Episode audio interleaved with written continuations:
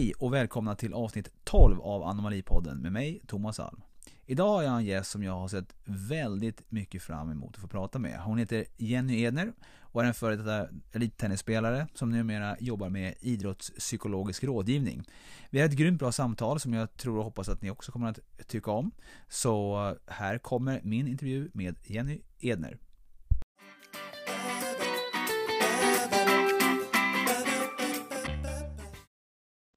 Idag har jag den stora glädjen att få prata lite med Jenny Edner. Jenny driver företaget Your Performance och är, nu kommer eh, säkert Jenny nu få rätta mig, men säger mental tränare säger jag, eh, eller jobbar med idrottspsykologisk rådgivning och föreläsningar som står på, på hemsidan. Välkommen Jenny och sa jag det eh, rätt, mental tränare? För det är det vi ofta säger vi som är lekmän. Ja, hej, tack så mycket. Ja, nej men precis, det blir lätt eh, uh, få eh, eh, rätta det där just. Jag är idrottspsykologisk rådgivare och kallar mig inte för mental coach just för att jag är KBT-terapeut. Så att jag är idrottspsykologisk rådgivare jobbar utifrån kognitiv beteendeterapeutiska metoder inom i idrottsmiljön.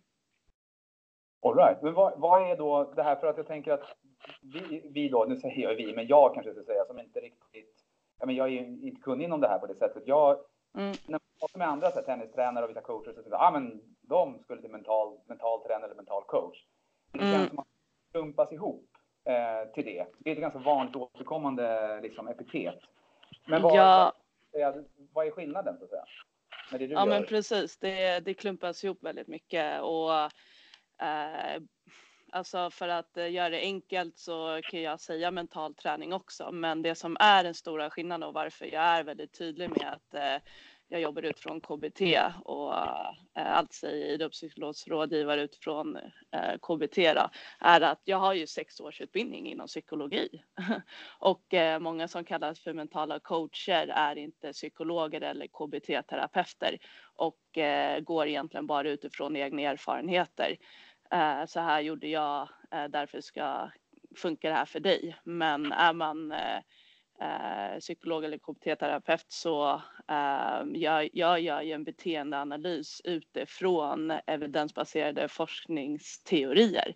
Så att det är aldrig någonting utifrån, ja men så här gjorde jag, utan eh, jag har intervju, samtal med idrottaren, idrottsklienten och sen så eh, en röd tråd i eh, samarbetet och behandlingen därifrån. Så att den stora skillnaden är att jag har eh, sex års utbildning och eh, kallar man sig bara för, eller är man, ja, eh, bara mental coach och så har du kanske inte någon utbildning utan du, ja, utifrån egna erfarenheter helt enkelt.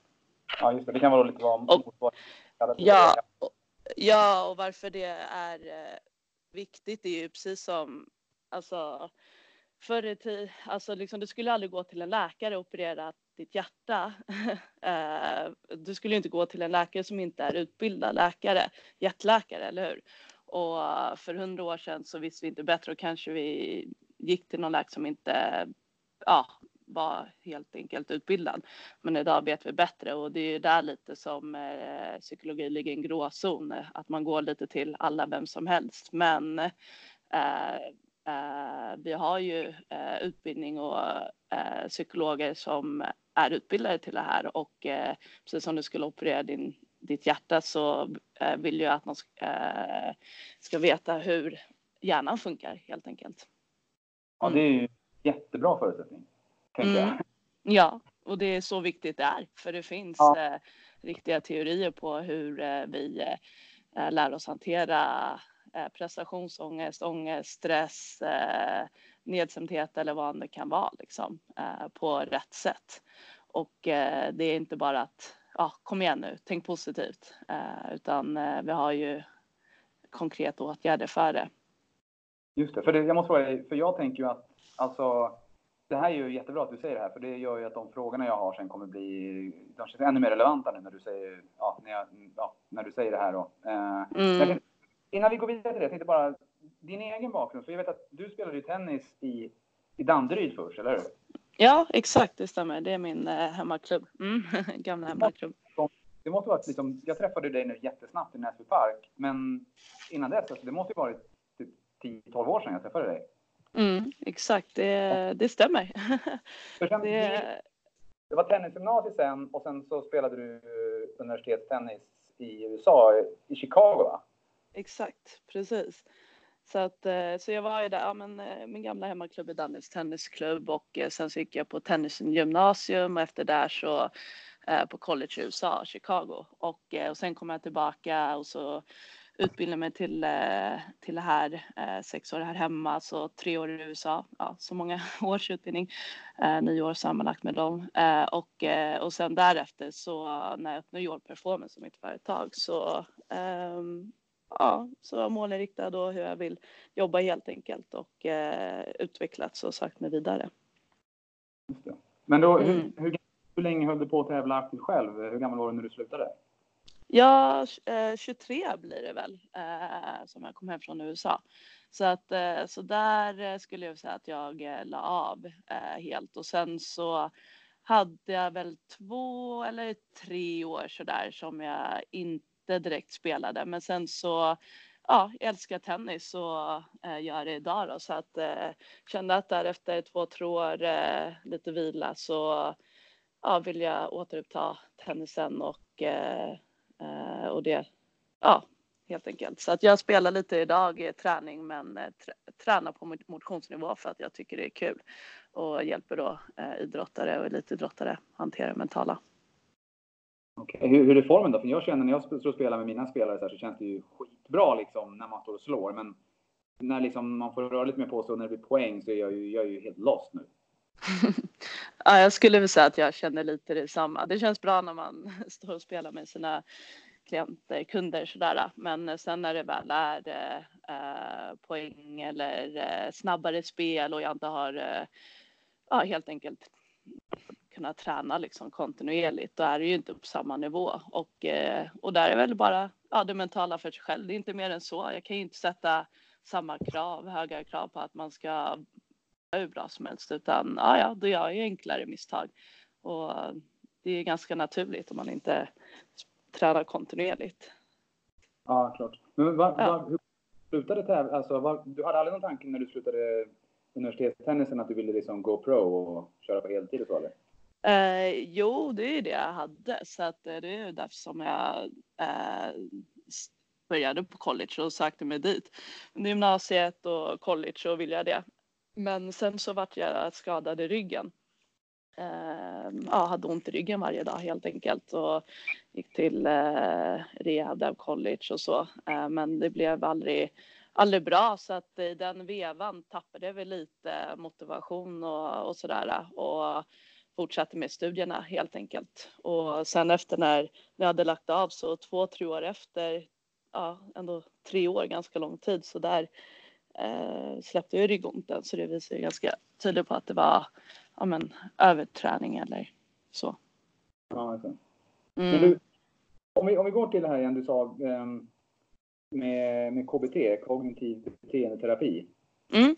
Eh, kan du säga exakt vad, vad är det? För jag har ju sett det massor av gånger. Jag visste ju vad det stod för därför att jag har sett det. Men jag, det låter ju väldigt liksom, scientific. Liksom. Men jag, ja, vad, vad, vad, exakt är det för någonting? Ja, nej, men det som man kan eh, förklara ganska kortfattat enkelt är för det första så man använder exponering är då det fina ordet. Exponering innebär att eh, jag gör en eh, analys på vilken situation är det den här idrottaren behöver jobba med. Vart känner du stress och eh, ångest? Och det kan vara till exempel när du känner att du borde vinna mot den här sämre spelaren och du leder. Helt plötsligt då så kan vi se att eh, spelare antingen börjar gneta, kan vara det vanligaste, håller igen, man vågar inte slå igenom och så vidare, ändra sitt spel eller att man börjar eh, slå för hårt och stressa iväg. Och ehm, eh med exponering i då KBT innebär att det man vill göra är att tvinga sig själv, alltså styra sitt beteende, gå emot känslan, för allting säger emot att, eh, att jag vill eh, spela mitt spel, alltså göra det önskvärda beteendet. Och, men det som man har sett i då forskning är att tvingar man sig själv trots ångest att göra det så kallade önskvärda beteendet, då går stress ner. Och den stora skillnaden är det att det är beteende, alltså, alltså beteende, beteende som man styr och inte tankarna som då den traditionella idrottspsykologin säger att okej, okay, tänk positivt, du klarar av det här. Men i KBT menar man okej, okay, du kommer tänka negativt, alltså du blir asstressad här och du kanske kommer tänka katastroftankar. Tänk om jag förlorar, gud vad pinsamt, andra kommer skratta och göra bort sig. Men det du kan styra över är ditt beteende. Så, att, så man menar då på att acceptera det här och våga vara i känslan men styra sig själv. Och det som man kan jämföra med då för att göra det enklare, tydligare utanför idrotten är till exempel det som, ja men exempelvis med höjdskräck. Då menar på okej, okay, då ska du ju klättra. Vad är det önskvärda beteendet? Jo, det är att klättra upp för stegen eh, ditt eh, stressbeteende att stå kvar. Men står man kvar, alltså då gnetar du, står kvar och gör eh, stressbeteendet, då bekräftar du eh, stressen, att du klarar av för att du stod kvar. Men vågar jag gå upp, det är då som eh, jag själv börjar styra över mig själv. Och det är det som är den, eh, den stora grunden. Just det. Ja, men det där, mm där låter, så, det där låter som, det, det passar mig väldigt bra. Jag, jag, jag gillar det. Ja. Jag tänker att alla säger så här, nej men tänk positivt. Eller det här som hälsoprofiler som säger att det är bara ja. att bita överkäken, undersökning och gå ut. Och Ja, om det vore exakt. så skulle alla göra det. Alltså, mm. ja, ja, men exakt. Vore det så enkelt så hade alla gjort det. Då hade det inte varit något problem. Men så är det ju inte. Så ser det ju inte ut. Så är det ju inte världen. Och det som man har sett då i forskning, det som eh, första frågorna som du menar på eh, eller frågar om där är att vet du, det, som är den stora skillnaden i då det här att är du eh, eh KBT-terapeut eller inte och då kanske mental coach så har man sett till och med att eh, skulle jag säga till mina klienter, ja men tänk positivt, det är lugnt. Och så har man eh, sett det på, men shit, det, eh, det funkar ju inte. Ja men vad händer då? Jo, då blir jag mer stressad och tappar mer självförtroende. Så det kan till och med ge motsatt effekt eh, med, med, med det. Uh, utan då är det just det här att okej, okay, att förstå, vara förberedd på, du kommer tänka negativt i det här i den här stunden. Men eh, eh, vågar man tvinga sig själv, det är då som man egentligen, det är först då som man bevisar och det är då som tankar följer med som då ett uttryck i KBT är move your ass and your mind will follow. Och mm. det, mm, eh, så att tankar kan vi inte styra utan det är beteende vi kan styra och det är två helt olika filosofier och arbetssätt att jobba ut efter. Ja, men det här är ju, jag måste säga att det här, det här låter ju mycket mer som eh, någonting som jag skulle kunna uppskatta om man jämför med. För jag tycker att de flesta ja. man har hållit på med så har varit så här, ja ah, men tänk sig så liksom och så var positiv och sådär. Och det, jag är ju inte, mm. men det, här, det, det, kommer ju vara så att vissa lägen i en match är ju för jävliga. Alla spelare söker ju, som du vet också, man söker efter den här matchen där på pappret så ska jag förlora. Men det mm. finns någon chans om jag spelar bra att jag ska vinna. Så jag skulle mm. kunna vinna matchen. Jag har absolut ingen press. Och det är alltid de matcherna, bara, Åh, kolla vad bra han eller hon spelade. Jo, jo, men det är klart, du hade ju noll press på dig, du var lite sämre. Det är klart att mm. Däremot om du är den andra spelaren, det blir som att du är stor favorit, men alltså, har jag en dålig dag så den här spelaren som jag möter kan ju faktiskt slå mig. Ja, de matcherna, verkligen. De är ju förjäkliga liksom. Det, det är en ja. otrolig, otrolig skillnad mellan de där. Eh, och jag tror att att bara tänka positivt som du säger, det är ju, jag tycker det är bullshit, för det, går ju liksom inte. Alltså i min värld, jag, mm. bara, nu ska du vara positiv. Ja, men vad bra. Fasen vad bra mm. du sa. Då är det bara för mig. Då är jag det nu då. Mm. Menar, ja, men exakt. Men det blir ju, det är jätte, egentligen löjligt man tänker på det, man börjar förstå teorierna så här på olika sätt. Bara, det blir ju, va? Det funkar ju inte liksom. Mm. Men du, vi säger så här då. Om du skulle gå tillbaka och så skulle du träffa Jenny Edner 16, 17, 18 någonstans eller 15. Mm. Och så skulle vi se, vad hade du för svagheter på det här planet? Och vad skulle mm. du, ditt, ditt unga, yngre, ja du är fortfarande unga, men ditt väldigt mm. unga jag mm. råd? Ja, men det är jätteroligt att du frågar och ställer den frågan. Uh, för att uh, det har jag ju såklart uh, tänkt mycket på och jag skulle säga att just eh, den här grunden egentligen att jag, jag, fick, ju, jag fick ju den traditionella idrottspsykologin, tänk positivt, ta det lugnt andas, avslappning och så skulle man göra rutiner och, och det ena andra eh, och sådär. Men så märkte jag ju så här, okej, okay, men jag är ju fortfarande stressad eh, eller nervös på den här matchen och, och så. Och det är ju där som egentligen det stora intresset eh, kom ifrån av att eh, utbild, liksom vidareutbildning. Att så här, det, måste ju, det måste ju finnas något mer. Jag har ju själv varit i det här och varför står folk och pratar om det här när det inte funkar? Alltså så. Eh, jag bara, men alla är vi ju människor och man hör ju alla tänka, känna det här och så vidare. Och, eh, och det är där som då mitt stora intresse eh, var just eh, eh psykoterapi och KBT eh, för att, och den stora förståelsen i det. Så att, Eh, så, så att jag skulle säga att det är där som, det blir ju klart såklart en svaghet, man tänker tillbaka på det och det är det som är min eh, styrka idag med det som jag jobbar med, att jag förstår hur det är när man äh, står där och äh, har då, ja, erfarat det men och idag har äh, evidensbaserade forskningstekniker som jag själv också har, har testat och man känner så här, oj, det här funkar ju. Varför fick jag inte det här när jag var 16 år?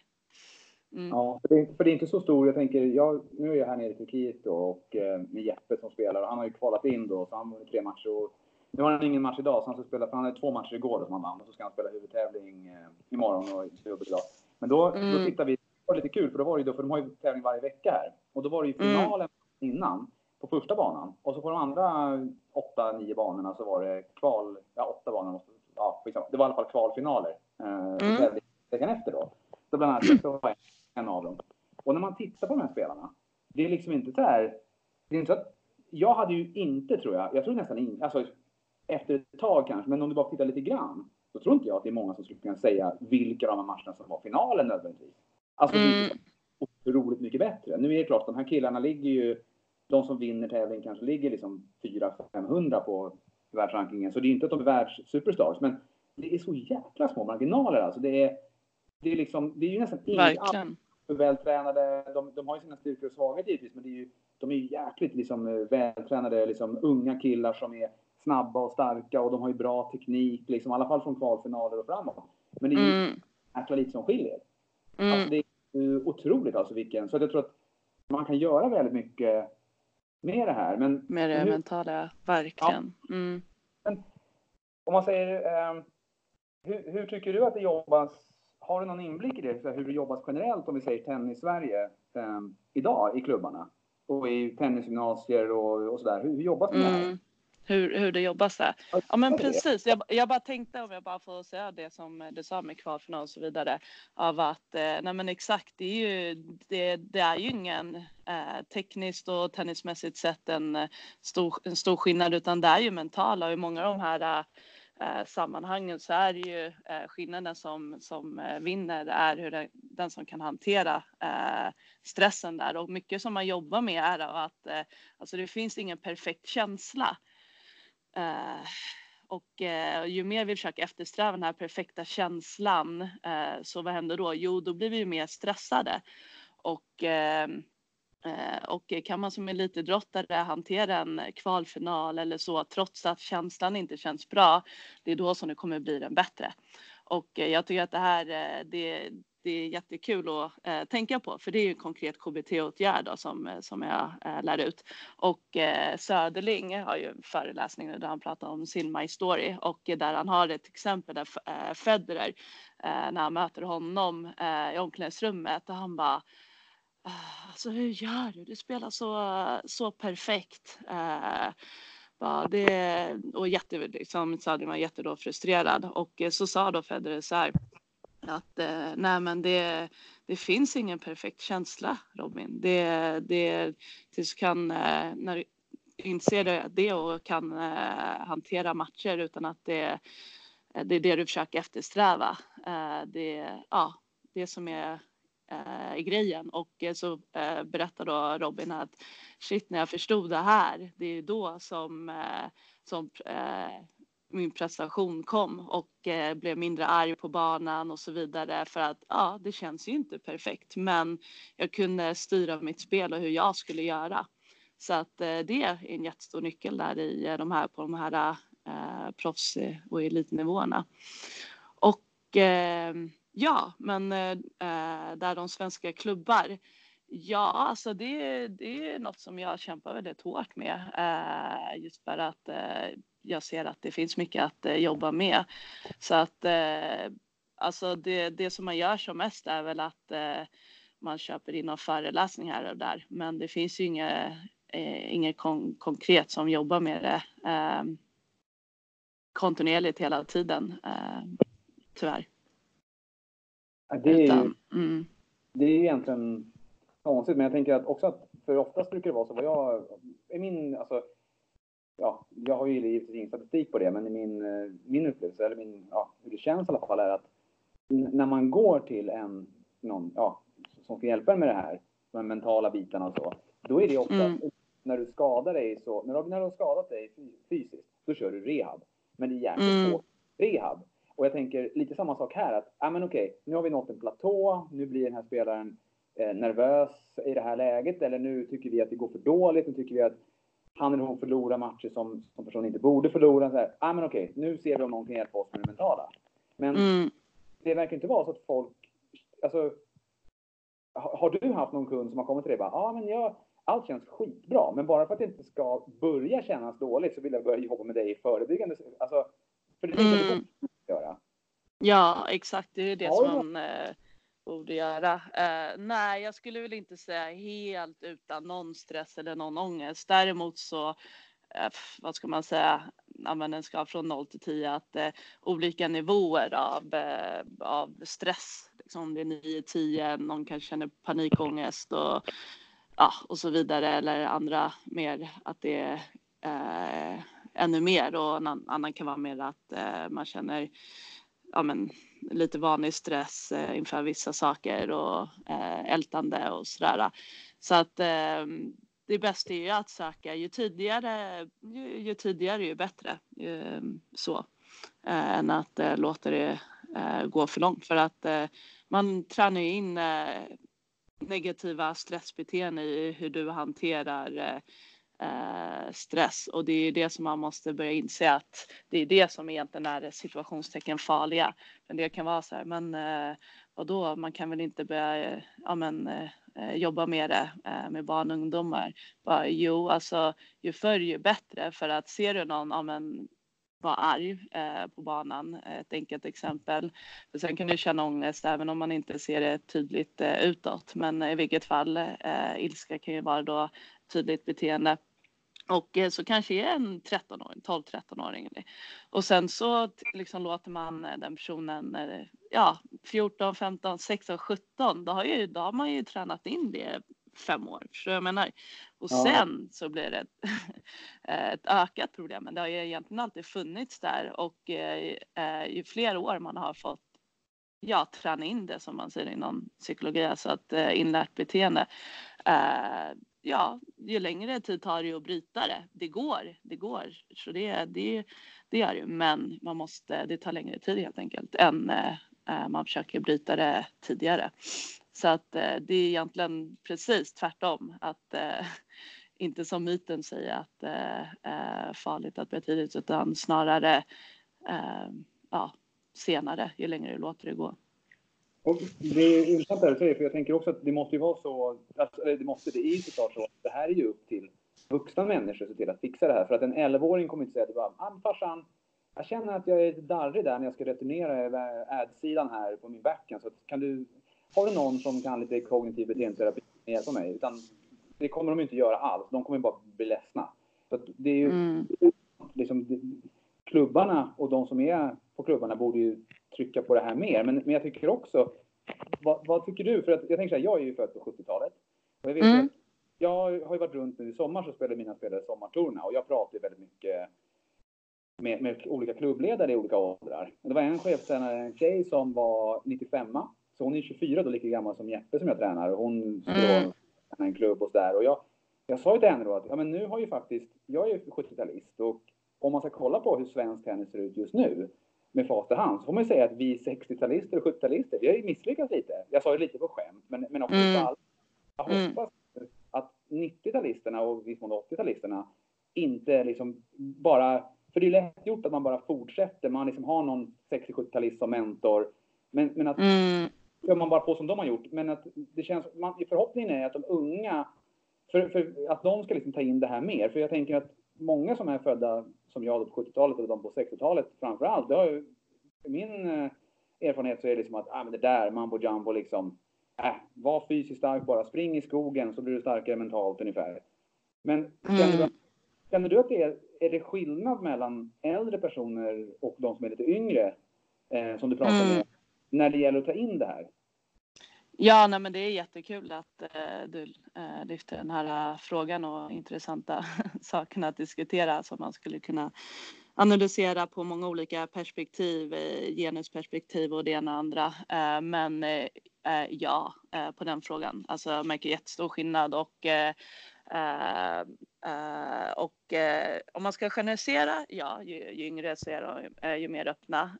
och sen, men sen så har jag märkt att ja, men, i äldre 50, 60, 60 till sådär, eh, 70 kanske, ja men där de liksom, då eh, den åldersspannet så är det väldigt individuellt att det självklart finns de som är öppna för det och då väldigt mottagna och eh, vill lära sig förstå och hänga med i förändring och så vidare, vilket är toppen, toppen eh, bra, jätteviktigt. Och, eh, och det finns de som är helt låsta och inte alls eh, ser det nya sättet Eh, och är rädda för det och tänker det ja, gamla tänket helt enkelt. Och, eh, och, eh, och där har jag märkt av att man får ja, att det, det beror väldigt mycket på hur, den, eh, hur pass öppen den individen är, hur mycket man kan nå den personen. Och eh, de som söker så ofta är de som är mer eh, eh förstående och förstår vikten av det och eh, förstår också vikten av utbildning i det och vilka man ska söka sig till och så. Ehm, mm. För det, jag tänker ju lite grann det här att det är många av de som är lite äldre då, de, yngre också kanske, men jag, om man nu ska vara lite, lite generellt sådär så många äldre har ju det här så har vi alltid gjort-tänket. Mm. Eh, det är ju för mig ett av de dummaste argumenten någonsin. Alltså för att ja, verkligen. Skulle de inte få rösta. Det fick de inte för. Helt plötsligt fick de det. Det behöver inte betyda att det Ja, bra. men exakt. Det är idiotiskt. Det är, det är inte ett icke-argument. Men där är man väldigt ofta tycker jag ändå att det är smart. Ja. Gjort. Bara okej. Okay. Ja, men det, det är det som är så festligt situationstecken eh, tråkigt eh, när det kommer till det mentala så ja det är ju där många många är. Eh, men det som man måste börja förstå och tänka är precis samma sak som det gör med teknik och fysträning, kost och så vidare. Där vill ju hänga med. Hur, eh, ja, slår man hårt tennis med nya tekniken och vad behöver vi för fys? Ja, men det kanske inte är ja, som där då förr, okej okay, att eh, pumpa och bli jättestor och stark liksom, utan när det ska vara funktionell styrketräning så vi blir snabba explosiva, är du med? Och det är klart det finns nya sätt eh, med det mentala också. så att eh, ja, eh, det, det är stor eh, skillnad i den insikten. insikten. om man, och det beror väldigt mycket på individen, personen i fråga. Och det kan ju vara många faktorer som spelar in i det. Att man kanske känner stressångest själv och då blir rädd för det och, man inte alls tänker på att det egentligen eh, blir att man utgår från sig själv och då skämtar om det och, och då påverkar det gruppen när man skämtar om det, haha, eh, det är därför de är svaga eller någonting eller vad det kan vara. Och det är ju så tränare påverkar spelare och en grupp, självklart. Och eh, är det tränare som är öppna för det och man vågar, vågar prata om det eller bara eh, det, att det är okej att vara nervös helt enkelt. Eh, man bara säger det, då hjälper man mycket.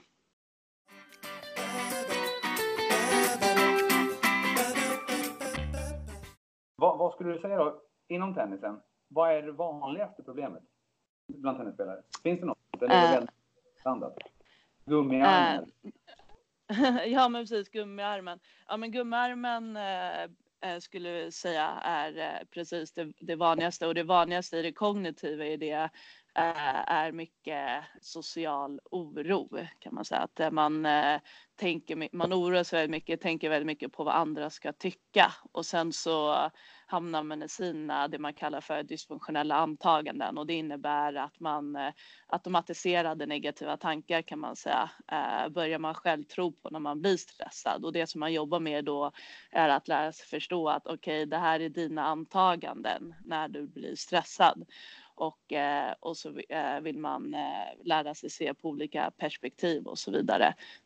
Det, det är ett vanligt scenario. Mm. Ja. Men det här, det här med just att man, att man, för det är mycket så att vad andra tycker såklart sådär och den här, mm. jag vet inte om man heter det på riktigt om det är liksom, eller om det är vedertaget, men jag har hört den här spotlight theory, att man tror att eh, ja, första gången man, man var ung och skulle gå fram och prata med en tjej på krogen så trodde man att alla på hela stället tittade på en. Och mm. när mina spelare och alla spelare man har haft i klubbar, när de liksom förlorar någon som de, ja men de kanske tyckte de var favorit och kanske var det, tänker de att ah, nu kommer alla tycka så bara, men hur tänker du liksom när, din, när någon förlorar? Så då tänker du så här, oj, kolla, han förlorar mot honom. Ha. Sen rycker du på axlarna och går vidare i livet liksom. Ja, någon, exakt. Alltså, det där måste vara väldigt vanligt att folk, alltså att man tror så mycket att, att alla bryr sig så jäkla mycket. Men egentligen om man ska vara lite, lite ärlig och lite hård så skiter de fullständigt i vad du gör. Men ja, ja men jag, jag, jag skrattar för att ja, exakt det är ju så. Och eh, det är just det här som man eh, vill prata i lugn och ro och eh, det finns Uh, Eh, ja, om vi ska då med teori, men uh, tank, tankar finns här, det kallas för tankefällor, alltså att vi människan tenderar att hamna i tankefällor och uh, har då tankefel. Och det är de som man vill få individen, och vi har då individuella tankefel. Men en vanligt, ett vanligt tankefel kallas för tankeläsning. Och det är, det innebär att vi hamnar i våra egna tankar, att vi tror vad andra tror. Och det är det som man då vill förstå. Okej, okay, nu har du hamnat i den här tankeläsningen för du kan inte veta vad andra, andra tror. Och oavsett om de tror det här så eh, hur sannolikt är det att det är sant? Och eh, när man då börjar förstå det att oj, shit, det, det är inte så troligt. Så ja, det är där som vi kan börja släppa kraven på oss själva och då tenderar vi inte få lika mycket eh, ångest. Så att det sitter ihop. Men det här är någonting som, jag antar att det här är en pågående process och det är inte bara att du säger det så det kommer bara, jaha. Nej, gud nej, verkligen. Och det är det som är det svåra, precis. Och det är det som är grejen, precis som nu, nu när vi pratar eller som i föreläsning, att man bara kan ge eh, information. Men eh, det är det här som är eh, processen i samtal eh, och det är svåra att nå fram för att det är så automatiserat så att eh, man tar det väldigt successivt och eh, och just de här delarna i tankar är något som man tar senare och börjar mer med beteende som, som jag berättade om först. För att det är väldigt svårt att förstå och det är inte så enkelt som det låter i den förklaringen som Eh, som eh, just eh, berättar om. Då skulle det ju vara väldigt enkelt, utan det är ju inte. Nej, nej det är ju det är så. Och, och, men jag tänkte, du sa ju eh, att du hade tänkt på det här med att ja, vad kunde jag ha gett liksom, eh, ja, mig själv för 15, 20, whatever, 10, ja, mm. 10 år. Vad kunde jag gett mig själv då? Men hur, hur kan du applicera det här? För du ändå du har en sån gedigen utbildning och du kan så mycket om det här. Kan du applicera det här på dig själv nu? I vardagen, äh, gör du det? Ja, det, det gör jag definitivt i eh, vardagslivet och eh, jag har ju företagsklienter också, alltså klienter från företag helt enkelt. Och man kan ju få prestationsångest inom jobb också, alltså eh, jurist, läkare, tränare och så vidare. Så att egenföretagare. Så att eh, skulle säga att jag ja, men, verkligen använt mig av de här metoderna och eh, idag känner jag ju ingen prestationsångest man skulle kunna göra inom eh, jobb eller något sånt där eh, eller egna höga krav i träning och så vidare utan kan hålla det på en bra motionsnivå så att man eh, känner glädjen helt enkelt. Precis som jag nämnde innan där och att ja, ehm, kan ju inte sätta, kan ju inte förvänta mig att det inte ska göra lika mycket inte gärna dubbelfel som man inte gjorde förut för att ja, det, tränar inte surf eh, kontinuerligt till exempel. Eh, så att eh, så, så ja, det, det gör jag definitivt. Men du sa då att du jobbar även då med, jobbar med, med folk utanför tennisen? Mm, jobbar exakt. du med idrotten än tennis också? Uh, vad sa du där? Idrotten? Ja, ja, jobbar du med andra idrottare, alltså idrotter med andra, andra ja. sporter?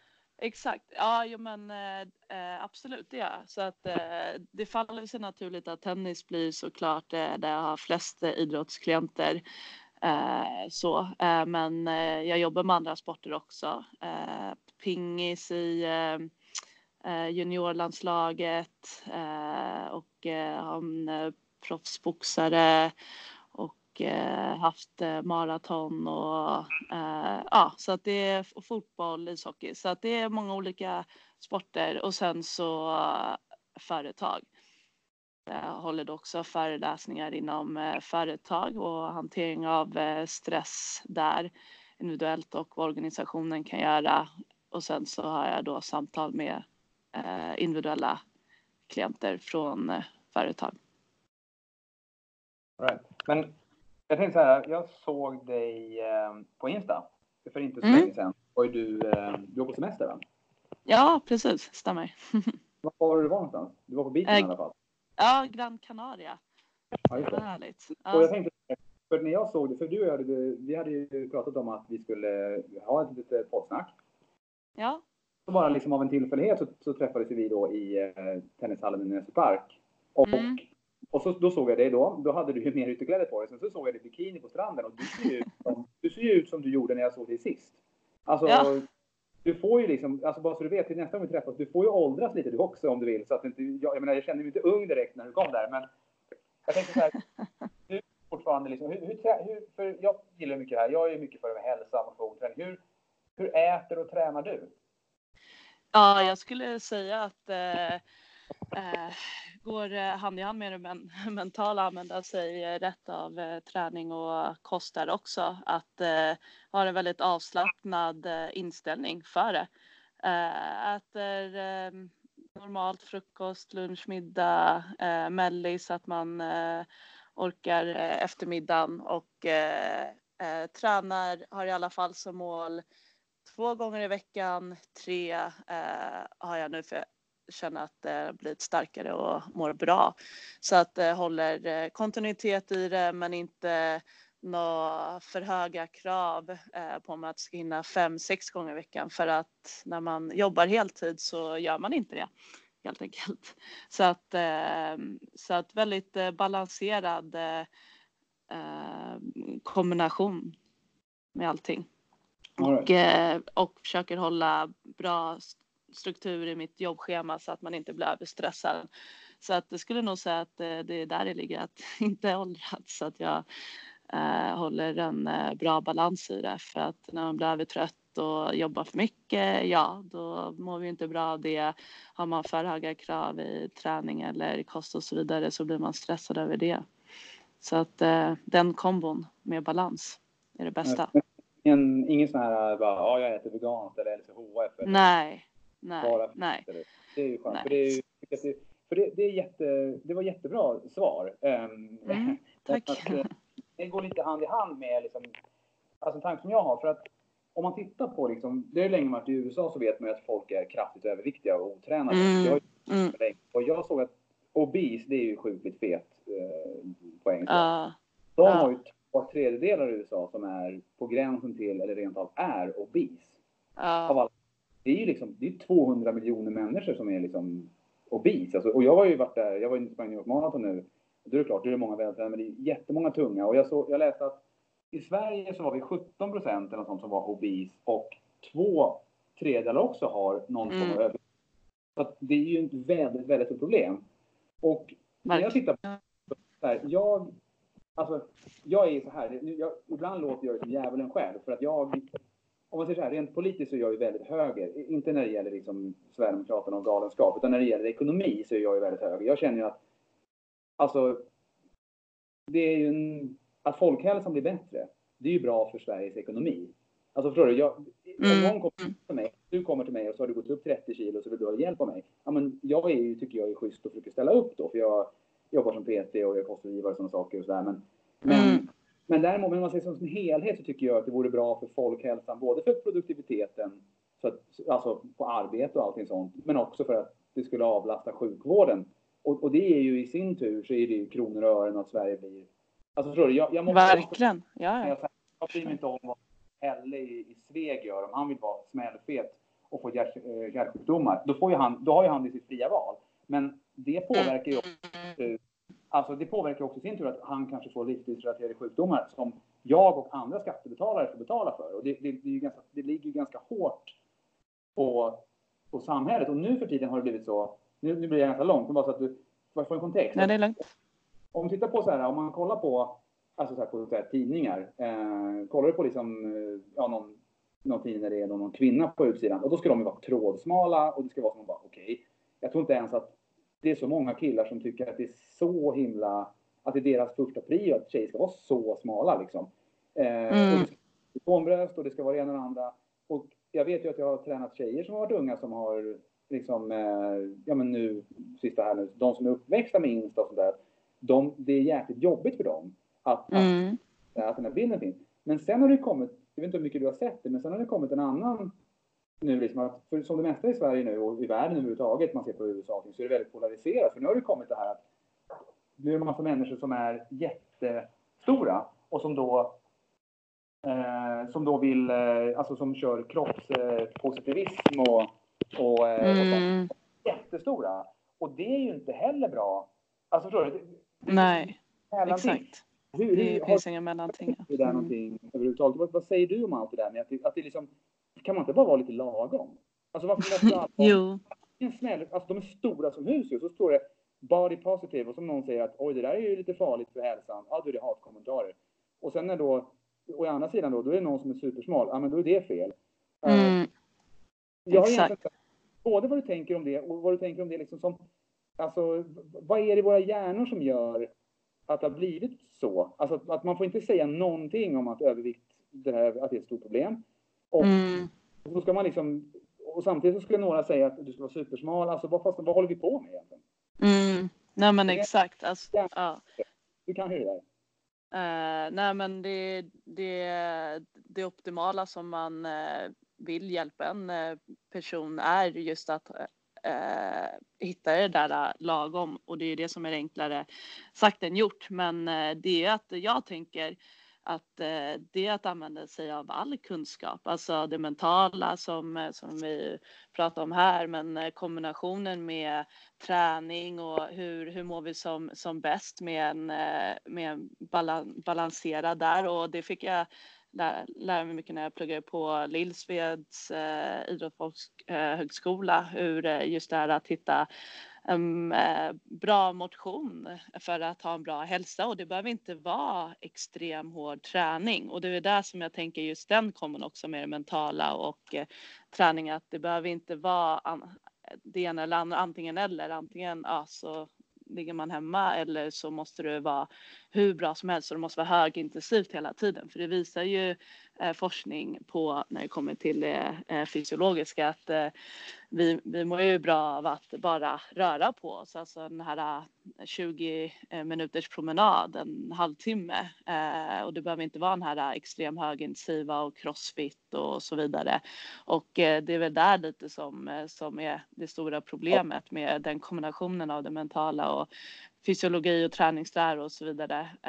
att man inte använder sig av eh, all ny modern forskning av det utan man vill hela tiden göra det eh, extremt. Men eh, vi mår ju som bäst att röra på oss på den balanserade nivån med tre gånger i veckan. Det behöver vara där åtminstone 20 minuter per dag, att man går och inte bara tar bilen eller kommunalt. Vi får syre och så vidare så att ja, det, det, är väldigt eh, multifaktorellt det som du frågade om och som man kan eh, eh diskutera väldigt mycket och eh, vända på olika, olika sätt. Ja, det, jag tycker det är otroligt att just att det har blivit så där. Att det har blivit, mm. I USA har det varit så att det har varit väldigt mycket så här att man, ja men som sagt, det är super så här. Att du, sist när det var val mellan Trump och Hillary, då sa ju bara Trump, ja Hillary, du har gjort det här, du är jättekass. Och så Hillary bara, du har gjort det här, du är superkriminell. Och sen så var det så här, när väl då de skulle välja det som vi vet inte vad någon vill. Vi vet ju bara att den ena hatar den andra. Eh, och att de säger massa dåliga saker som den andra har gjort. Mm. Och till slut, och, så, och där har det alltid, i USA har det mer eller mindre alltid varit så, även om det kanske är någon slags, förhoppningsvis så är det lite, lite kulmen nu att det kommer gå ner. Men i Sverige har det också blivit så. Det här, veganerna hatar LCHF-arna ungefär och LCHF-arna de hatar på veganerna. Och, och liksom, då tänker jag så här, men ni bara tjafsar med varandra. De här som är mitt emellan, de lyssnar inte på någon av er. De käkar sina chips och äter grillkorv och dricker rödvin ändå liksom. Eh. Ja, men det är ju det som också är så dumt att man inte använder sig av eh, rätt eh, kunskap med eh, kost för att eh, all forskning med kost visar ju på att dieter eh, är inte bra och att det till och med kan ge motsatt effekt. Du går ner jättemycket först och eh, det är det som många alltid säger att det ger mig en positiv mental e-, effekt, bara yes, eh, peppande. Men om man bara då ser till det med, med kost och den kunskapen så som man sett sen okej okay, att när du återgår till det vanliga så har du ändå inte lärt dig och förstått eh, vad, vad det är för eh, fel beslut eh, du tar i ditt vardagsliv och då faller man tillbaka och då tenderar man och då kan man till och med gå upp mer. Så att det det handlar om är att lära sig förstå hur äter jag i mitt vardagsliv eh, i, eh, helt enkelt. Och inte pusha det eh, för mycket det ena det andra för det är ju så det också då påverkar mentalt och så kanske man går upp och då blir man nedstämd igen och då behöver man jobba med det nedstämdheten och ja, och så självförtroendet i, i den frågan. Och, och sen plus också så är det jobbigt upp och ner. Det här jojo som man kallar det för. Det är väldigt jobbigt och tärande eh, kognitivt, mentalt. Um, och det är det som också gör att det man kanske blir tjock. Man går upp och ner. Ja, mm. men det är väl också, för jag tänkte att det är svårt såklart för dig och mig nu här att spåna om liksom eh, vi är ju inte propagandaministrar liksom. Hur ska vi få ut det här till folket så alla blir... Men jag tänker att om vi säger så här, om, om jag... För jag är ju, jag väger väl så här, jag brukar väga mellan 72 och 74. Där ligger jag och pendlar hela tiden. Det har jag gjort sedan jag var typ 17. Jag har ju alltid varit där. Och det är det jag mm. fråga. Det bästa är ju att aldrig bli tjock liksom. Alltså, det är mycket lättare för mig. Om jag skulle äta exakt samma sak som någon som väger 30 kilo mer så skulle ju inte vi ett år senare ha samma kropps... Alltså, kroppsbyggnad. så den personen skulle bli lika smal som jag då, utan det är ju det där. Men om man nu har blivit stor, om jag har blivit, säg att jag skulle helt plötsligt, det händer något hemskt och så mår jag dåligt, så äter jag jättemycket och så kommer jag till dig om två år säger vi. Och så är jag mm. fem kilo, så säger jag så här, alltså Jenny, jag har försökt. Jag, jag försöker liksom, jag bantar, det går ibland. Liksom, eh, jag, jag, går ner några kilo, jag går ner till 10 kilo, sen går jag upp igen.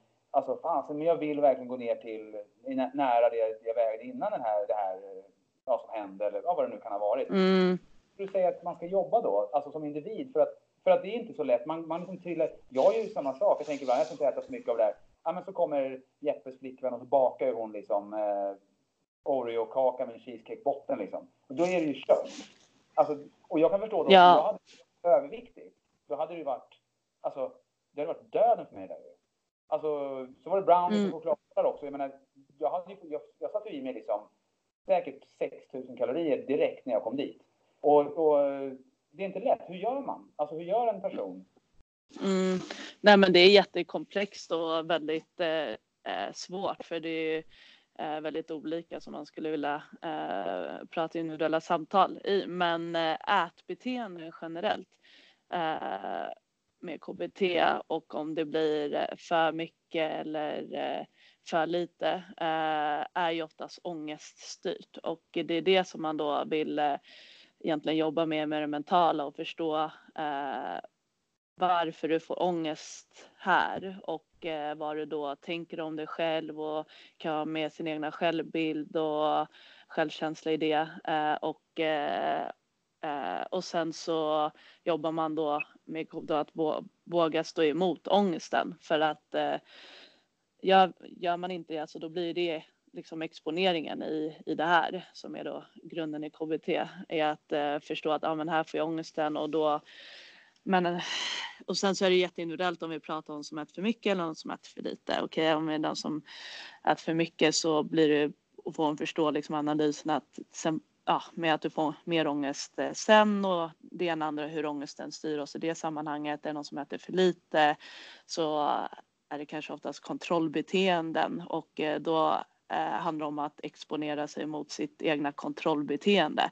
Att, eh, att den kanske är rädd för att bli tjock men bara för att du äter den här bullen en gång så kommer inte du bli tjock och det är den ångesten man måste våga gå emot där.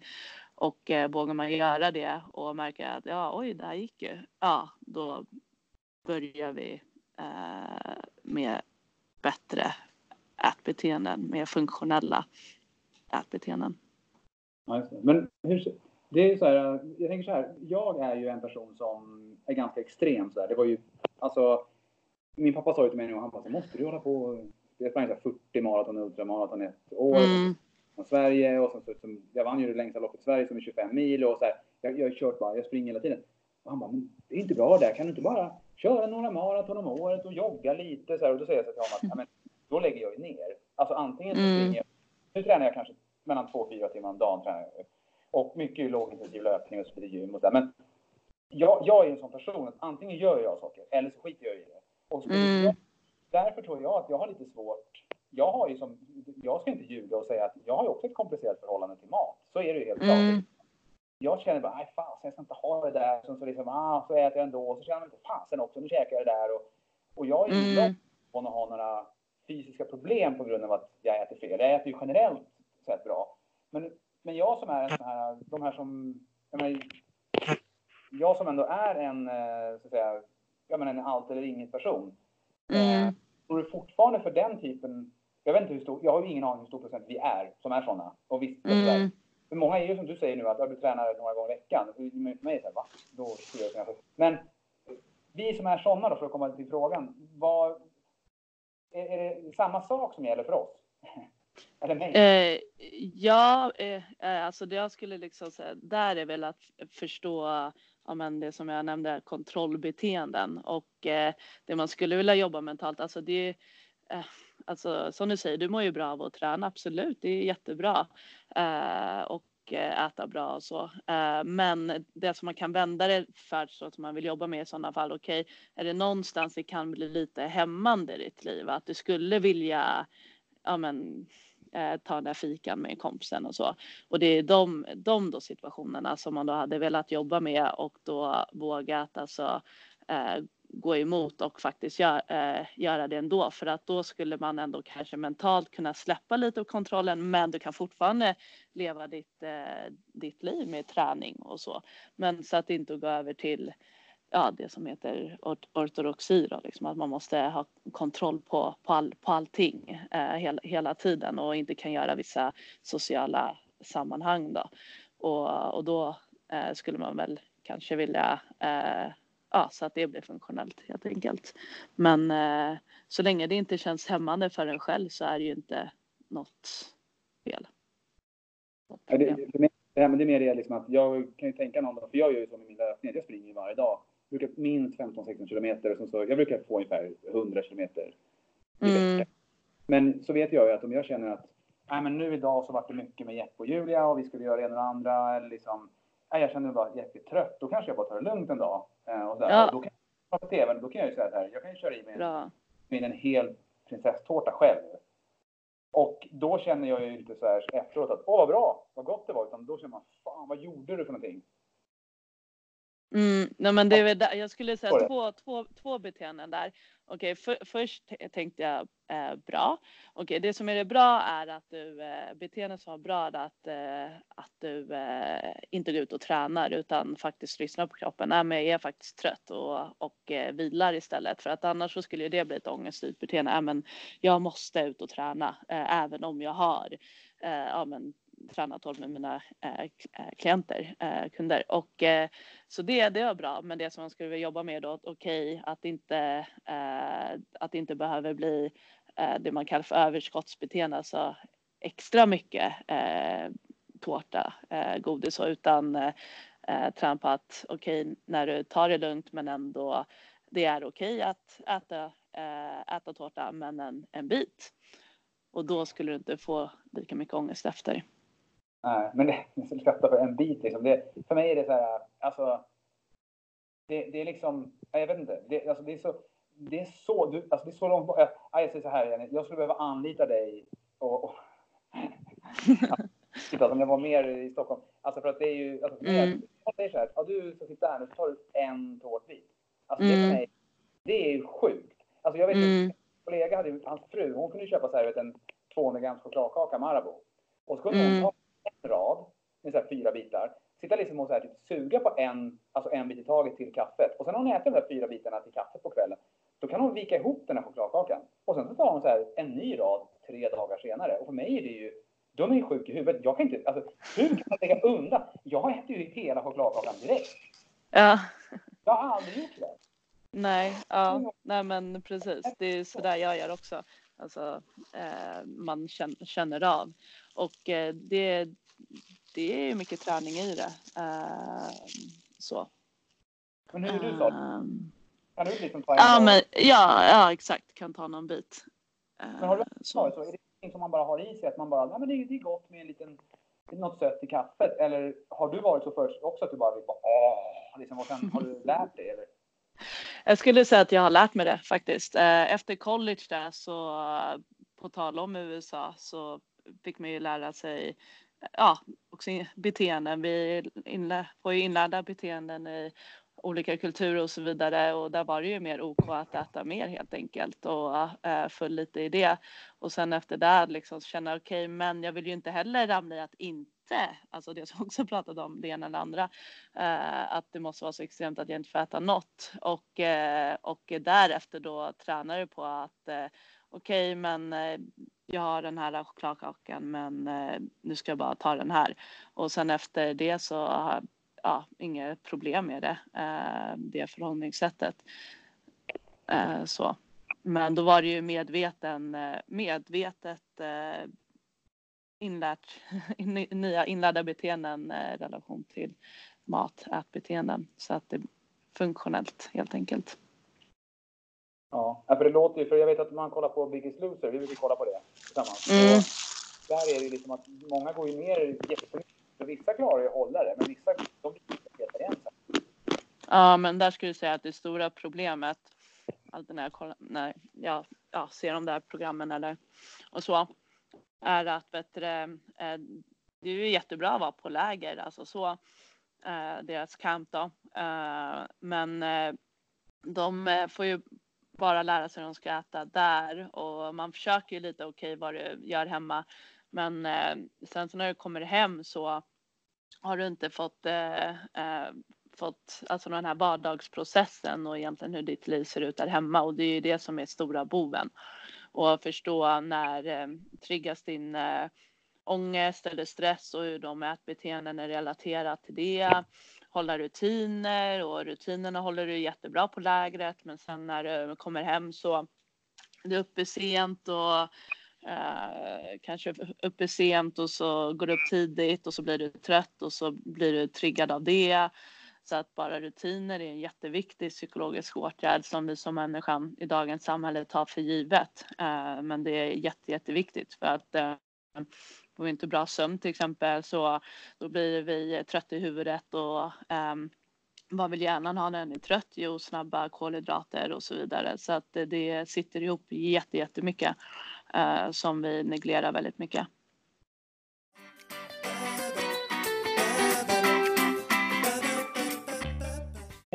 Jag tänkte så här. Jag, jag, ehm, jag tycker det här har varit så himla intressant att prata med dig. Jag skulle vilja säga ja. att jag, jag tänker så här, många gånger när, jag är, när man har varit här på någon, ja, då har det varit mental coach som haft någon föreläsning eller sånt. Och jag har ju inte gjort, alltså nu när jag tänker tillbaka på de gångerna så har ju inte jag vetat vilken utbildning, if any, som de har haft. Nej. Men, men ofta när man är på en föreläsning, då kommer man därifrån och man är så här peppad och man är bara, åh nu kör vi sådär. Men det är inte alltid man får de här extremt bra handfasta tipsen. Så där. Jag, jag gillar ju att liksom bara kunna... Eh, skulle du kunna ge om man är då, ja men säg att man är lite överviktig. Jag tänkte två tips eh, innan vi slutar. Det första om man är lite överviktig och känner att fasen, jag är lite trött och man kanske, ens barn kanske också är lite trötta och man, man vet kanske någonstans, jag vet ju de personer jag pratar med som innerst inne vet de ju att alltså jag kanske, vi kanske inte liksom, ja men det är snabbmakaroner och falukorv och det kanske inte är det bästa och själva är de tunga och sådär och trötta och deras barn är lite mm. slöa liksom på grund av det. Men det är inte som sagt så enkelt som att bara säga så här, men laga bra mat då. Ät sallad. Nej, exakt. Verkligen inte. Tips på hur ska man göra för, om de som lyssnar på det här, för att bryta ett sånt mönster? Alltså jag skulle egentligen eh, eh, först det som är eh, det, det svåra, det, det komplexa i det och det som är intressanta där som verkligen man kan göra stor skillnad är ju egentligen vi tror att det är kanske Eh, ja, men vad, vad vi äter, alltså så. Eh, och det är det ju såklart i vissa, i, i vissa aspekt. Eh, men eh, vi triggas ju väldigt mycket av eh, vad vi äter av våran stress och eh, egentligen se över vad har jag för stressfaktorer i mitt liv. Um, och uh, är det jobb? Vilka situationer känner jag mig stressad inför jobb? Är det plugg? Eh, vilka sammanhang känner jag då inför tentor eller prov och så vidare? Och, eh, eller är det relationer? Eh, relationer ger oss otroligt mycket stress och negativ påverkan och så vidare. Och att eh, se, se över sitt eh, liv och de stressfaktorerna för att det påverkar oss eh, hur vi äter och eh, hur också kroppen tar upp. För att vi kan ju äta bra men egentligen vara mentalt alltså stressade och må dåligt över en relation och så vidare. Eller vi har dåliga rutiner och då får vi ju högre kortisol i kroppen och så vidare och så kanske man ändå blir lite lönnfet. Så, och då blir vi mentalt stressade över det. Ja, men jag tränar ju bra och jag äter ju bra. Varför har jag den här magen för? Ja, det kanske är de här stressfaktorerna. Förstår vad jag menar? Så att eh, det är det som, eh, eh, som vi måste se över och som är eh, tipset då den konkreta åtgärden egentligen för att eh, förändra det och göra det bättre. Ja men grymt. Men, och, och en annan, annan då, jag tänker så rent konkret på tennis, som det är där du och jag ja. har tennisen och vi brinner för tennisen. Jag har liksom pratat mm. med dig, men jag också gör det. Eh, ja, men jag gör också det. Ja, men om, om vi har då någon som förhoppningsvis någon som är, ja men kanske är förälder eller tennisspelare så där. Om man har barn som spelar tennis, hur bör man jobba med det mentala, alltså hur, när bör man börja med det och hur? Alltså vilken ålder och hur bör man göra? Om man är förälder så tänker man att, man lyssnar på det och tänker man shit, jag vill inte vara den här föräldern som ja, motsvarande då bara kör rehab när mitt barn har skadat sig, utan jag vill också köra prehab. Och det vill jag göra på, på samma sätt då med det mentala, att jag vill liksom att jag vill göra så att mitt barn blir starkt innan ja, då alla de här sakerna börjar, alltså förstår du? Innan en, ja, men jag fattar. Jobba förebyggande är det liksom. Nej, men min erfarenhet är bättre att eh, 11, 11 är väl yngst åldern så. Sen så beror det ju på vad, om det är ett konkret problem eller inte. Då, då bör det i sådana fall eh, och det, det säger forskning också som man har med i psykoterapeututbildningen att eh, jobba med barn eh, är ju inte något farligt. Utan har du ett konkret problem, ja då kan du jobba med nioåring. Men har du inte ett konk eh, konkret problem som eh, man vill förebygga som vi pratar om här, alltså då eh, eh, så 11-12 är liksom en bra ålder att börja så här, prata om saker. Och det kan vara jätteenkla saker så här ja, men, eh, kroppsspråk efter misstag, man vänder sig om eh, och så vidare istället för att och då blir det att man jobbar med konkreta beteenden och, och då förebygga att inte börja älta och, och tänka på misstag, gud vad dålig jag är. Eh, att vara sportslig är jätteviktigt i den åldern och bara lyfta upp sådana frågor för att det är oftast det som kommer upp med barn och ungdomar och hur eh, folk beter sig eh, dåligt på banan och så vidare. Och, eh, och sen att bara prata om att eh, det är normalt att vara nervös. Det är normalt. Då, där skulle jag säga att det hjälper man jättemycket. För att vi eh, som vuxna, föräldrar som tränar och så vidare säger ofta så här, Nej, men det är lugnt, du behöver inte vara nervös. Okej, och vad är det man egentligen säger då? Jo, indirekt säger man att det är farligt situationstecken att vara nervös. Och ja. Eh, bara det att prata om nervositet, att det är okej, det är ingen fara och när vi blir nervösa så tenderar vi att göra så här. Men gör det här beteendet istället. Och det är då, det är det som är så otroligt fascinerande när jag jobbar med yngre. Det är då de är så här, aha, kan jag göra så här? Och så bara gör de det och så kommer de tillbaka och bara shit, det funkar ju. Och så bara ler de. Alltså det är så häftigt. Så att eh, ja, eh, ju, ju förr ju bättre och man kan då vägleda dem direkt in till det bättre istället det är normalt. Ja, men du tycker något åldern kan det vara bra och ja, om man vill vara stark, alltså om man vill hjälpa sitt barn redan innan det har liksom, så kan det någonstans vara liksom att börja prata om det och det är där någonstans man kan börja. Ja. Men har du barn? Nej. Jag skulle vilja se liksom en Jenny Junior någon. Skulle vara lugnt som en filbunker på banan då. Ja. Jag får se precis vad eh, fra, framtiden eh, bär. Men sen så vet du, så vill jag säga att alltså, vi är ju involverade i mentala och psykologiska hela tiden. Så att eh, hur du som förälder eh, förhåller dig till just det här just som jag beskrev. För att du spelar ju matcher och sådär liksom i ja, men, yngre ålder och så. Och det som man vill göra är bara så här alltså som jag sa, det, bör- man behöver inte eh, eh, alltså just det, här, det är normalt om någon är lite nervös, ja men det är så det är. Eh, Det går in och gör ditt bästa, alltså så liksom. Och att man inte behöver göra till så stor grej, för ju mer vi gör till en stor grej, det är då som vi kanske börjar applicera över egentligen våran stress på, på, på barnet och som kan bli då att den eh, tränar, lär in det omedvetet. Ja. Mm. Du, en, en sista fråga. Mm. Um, och, och det är liksom för att nu, med risk för att jag framstår som en fullständig idiot nu, och det är jag ju också, för jag har ju inte någon, alltså jag är ju ganska dålig, jag vet inte, jag är ju, jag är ju 43, så att när jag var liksom liten så fanns det ju inga, man fick ju inga diagnoser då, men jag tror att jag har ju någonting. Nu säger ju alla det, du vet, jag har ADHD och sådär, det tror jag inte, men jag har nog någon släng av någon Asperger eller någonting, men jag, jag har ju fått för mig, för du, jag tänker, du sa ju nu att ja, då har man riskerar man, du sa det här nyss, att man blir lönnfet. Att du ens använder det ordet, för vissa har ju en trigger att använder du ordet fet istället för att säga överviktig så blir de nästan arga. Och Okej. jag tänker så här, alltså, det finns ju säkert de, som du säger så att man blivit väldigt överviktig på grund av ångest. Det är väldigt många, när man kollar på Biggest Blues, jag vet att han, ena killen, jag tror det var Christos som vann ett år, han hade ju gått över övergångsstället med sin brorsa och hållit honom i handen och så blev brorsan ihjälkörd av en, en rattfylla och något där. Och då är det klart Oj. att då åker han till maten och då kan man ju, jag menar, man kan ju förstå att det är en lite situation som är åt det jobbiga hållet, att man då tar till någonting för att lindra smärtan liksom. Ja, verkligen. Jag tänker så här, precis på samma sätt, eller ja, det är samma mekanismer i det här att, som du sa, att i början av det här poddavsnittet så var du väldigt tydlig med ja, att du inte är bara mental coach. Därför Mm. det, blir, det är så många, jag försöker snöra ihop det här nu, men det, det är så många, om, om alla bara säger så här, ja, jag är mental coach, då kommer ju då vara mång, väldigt många som inte är så himla duktiga, för de, de har ingen utbildning. Och då Exakt. vi som verkligen kan någonting, alltså det, det drar ju ner er också. Och jag tänker Ja, ja. ja men precis, eller hur? Och jag tänker Exakt. Ja, verkligen. alltså av de, nu vet inte jag hur många det är, men av alla som är väldigt kraftigt överviktiga, de som är feta, så är det ju så att det finns ju de som har problem med någon bukspottkörtel man brukar prata om, du kan ha blivit opererad för någonting och så blir det något problem. Så kan du liksom inte gå ner eller få vattenansamling, men det är ju en extremt liten procent. Men sen är det ju så att väldigt många av de här som då, som sagt, just de är, det är kopplat till någon ångest eller att de mår dåligt på något sätt. Och jag vet inte hur stor procent som sagt som är så och hur många som bara liksom har ätit bara för att, jag menar, kilorna har smugit sig på. Eh, Mm. de blir tjocka. Men jag tycker, tänker liksom så här att om jag säger så här, men alltså jag tycker inte att, jag tycker inte att det är så snyggt att vara tjock. Alltså jag tycker det är snyggare att, att vara smal. Jag tycker liksom, om jag kollar på en tjej, då, om jag sitter liksom på stranden och så råkar jag titta under solglasögonen och jävlar. Det är ju inte en tjej som liksom har 20 kilo för mycket fett. Så är det ju. Alltså det, jag skulle ju ljuga om jag sa att åh, det där är jättesnyggt.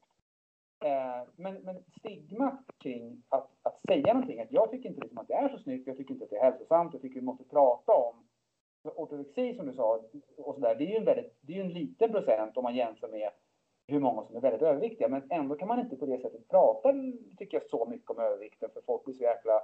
Tror du att, är det stigmat att prata om det, är det på grund av att man tror, att, alltså, alltså folk som blir arga utgår ifrån att de alltid, att det alltid ligger någonting att de mår så dåligt mentalt under. Så därför blir man liksom elak när man säger någonting, för det här är ju folk som mår dåligt. Mm. Är det det som är grejen? Eller, För jag fattar inte det här. Jag tycker liksom att, ja, det är en fet person. Så, "Åh, fet! Alltså, va? är så himla stigmatiserat. Alltså, Ja, nej men eh, ja, alltså det, det blir ju personligt liksom i det där om, om du säger så så kan ju såklart personen ta åt sig att du tycker att jag är ful och, eh, och så och eh, mm, vilket den personen kanske inte alls tycker och, och att man ja, inte ska vara elak liksom. Så att Eh, Ehm, alltså det är viktigt att prata om det, eh, men att kanske men att säga det på, på rätt sätt. Eh, så för att eh, det är viktigt för hälsan att varken vara överviktig eller eh, eh underviktig eh, eller eh, för kontrollerande och, och så. Eh, så att eh, det, det, är väl de sakerna som är de viktiga att eh, lyfta upp för att det är då som vi kan påverka den psykiska hälsan till det bättre, ohälsan till det bättre. Mm. Och någonstans så kanske är det här då lite mer lagom man borde eftersträva. Alltså, ja.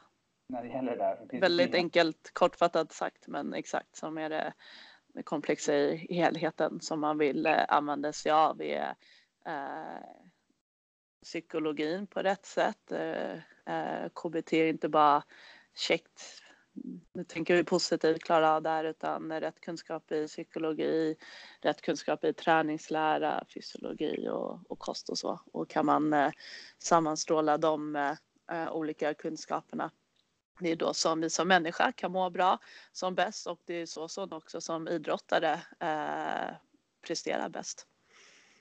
För du kan träna hur mycket som helst men du kanske äter dåligt eller tvärtom, du äter bra men du övertränar. Och, ja. och då vet ja. det, så blir du egentligen mentalt stressad och kan bli övertrött och det som kan leda till utbrändhet som eh, flera elitidrottare har hamnat i. Och eh, det är att använda sig av kunskap på fel sätt. Så att, eh, utan då använda av tränare som kanske inte vet och så vidare. Så att, eller att man inte respekterar det, att, att det inte är bra. Så att det, det, det är många bitar att tänka på. Och det finns expertis i de olika områdena. Men att bara köra sitt race utan använda sig av den, de kunskaperna. Ja, och det gäller att kunna ta det också. Jag tycker ju äldre jag blir, desto mer vet, fattar jag ju lite jag vet. Men, men förhoppningen är väl att alla tänker så här att jag kan faktiskt ingenting om det här, mental, det här mentala, så att jag kanske ska ta hjälp av någon. Så man inte bara... Ex jag mm. har en tendens att bara, ja, jag vet det. Alltså lite grann. Jo, ja, jag håller med. Absolut. Mm. Men nu har man börjat fatta lite att oj, det fanns visst lite här i världen. Exakt. Som man var ganska kass på. Och då, nu så tar jag in hjälp så mycket jag kan. Ja, och det är ju fantastiskt och det är jätteinsiktsfullt och bara det är ju hur bra och hur starkt som helst för det är just eh, det som vi behöver och det, och det är där som du kan göra förändringar att så bara som du säger bara oj shit jag kunde inte så mycket som jag trodde och sen så bara accepterar man det och så gör man, tar man reda på rätt kunskap, precis som, som här vi pratar om. Så att det, och det är fantastiskt och det är så man skulle vilja att alla skulle tänka. Alltså, jag har inte bara fått eh, blivit flintskallig och fått mer rynkor utan det, jag har även jag har mognat lite mentalt där. Med, med, med men, eh, men du, nu kommer när vi har pratat här och det här kommer ut nu och folk lyssnar på det här så kommer då framför allt de som har tennisungar som är 10-11, den de kommer ju lyssna på det här och då vet ju de med de här handfasta fina tipsen att först hur de ska göra nu är att de ska börja träna det mentala redan nu med ungarna. Så vi kommer ha massa lugna, fina, bra tennisspelare om några år. Och de själva kommer ta det andra tipset och ja, men, ta lite mer lagom och våga ta den där bullen men inte överäta. Så då kommer vi ha liksom, ja, inte vältränade nödvändigtvis, men, men eh, hälsosamma föräldrar och duktiga tennisjuniorer. Så det är ju en, tack vare dig och mig nu, så går det, eller dig framförallt, så går det här ja, men det går tennis-Sverige kommer gå, kommer gå framåt nu helt enkelt. Exakt. Fick vi med ordet lag. Får vi. Mm. Eftersom vi är sven, ja, det är väldigt svenskt. Det blir väldigt, en väldigt svennig avslutning med lagom. Men jag gillar ändå det. Det gjorde jag inte heller när jag var yngre, men det är ju faktiskt där det är liksom. Att man eh, kanske inte måste dra allting så jäkla hårt till höger eller vänster. Eller, mm. liksom. Precis som jag eh, sa precis är ju så att eh, lagom blir att dansa av rätt, av rätt kunskaper om olika områdena och det är där som man, skulle, som man kan spreta ut och eh, eh, fördjupa sig i.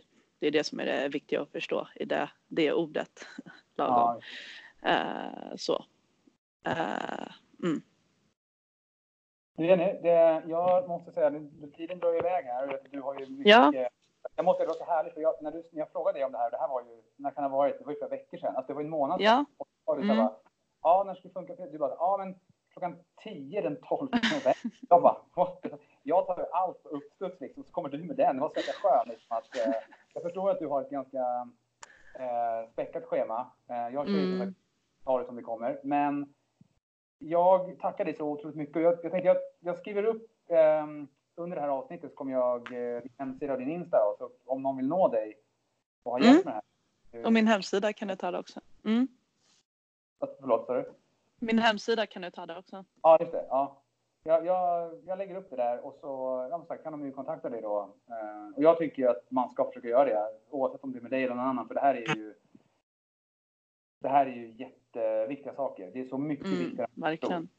Jag tycker man, Verkligen. man tränare, man tränar allt möjligt, fast det här är någonting man måste verkligen jobba på, för man har så jäkla mycket att vinna här alltså.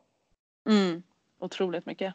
Jag skulle säga att det är avgörande i eh, de flesta sammanhangen och ju bättre man blir hela tiden. Mm. Ja, men tack igen. Ja. Jättekul att vara med. Tack eh, själv, vart eh, jättekul att prata med dig. Härligt. Tack så mycket. Tack. Hej då.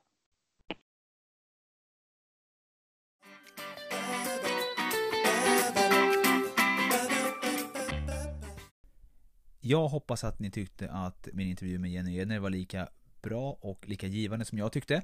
Om ni vill komma i kontakt med Jenny så hittar ni hennes kontaktuppgifter i texten under det här avsnittet.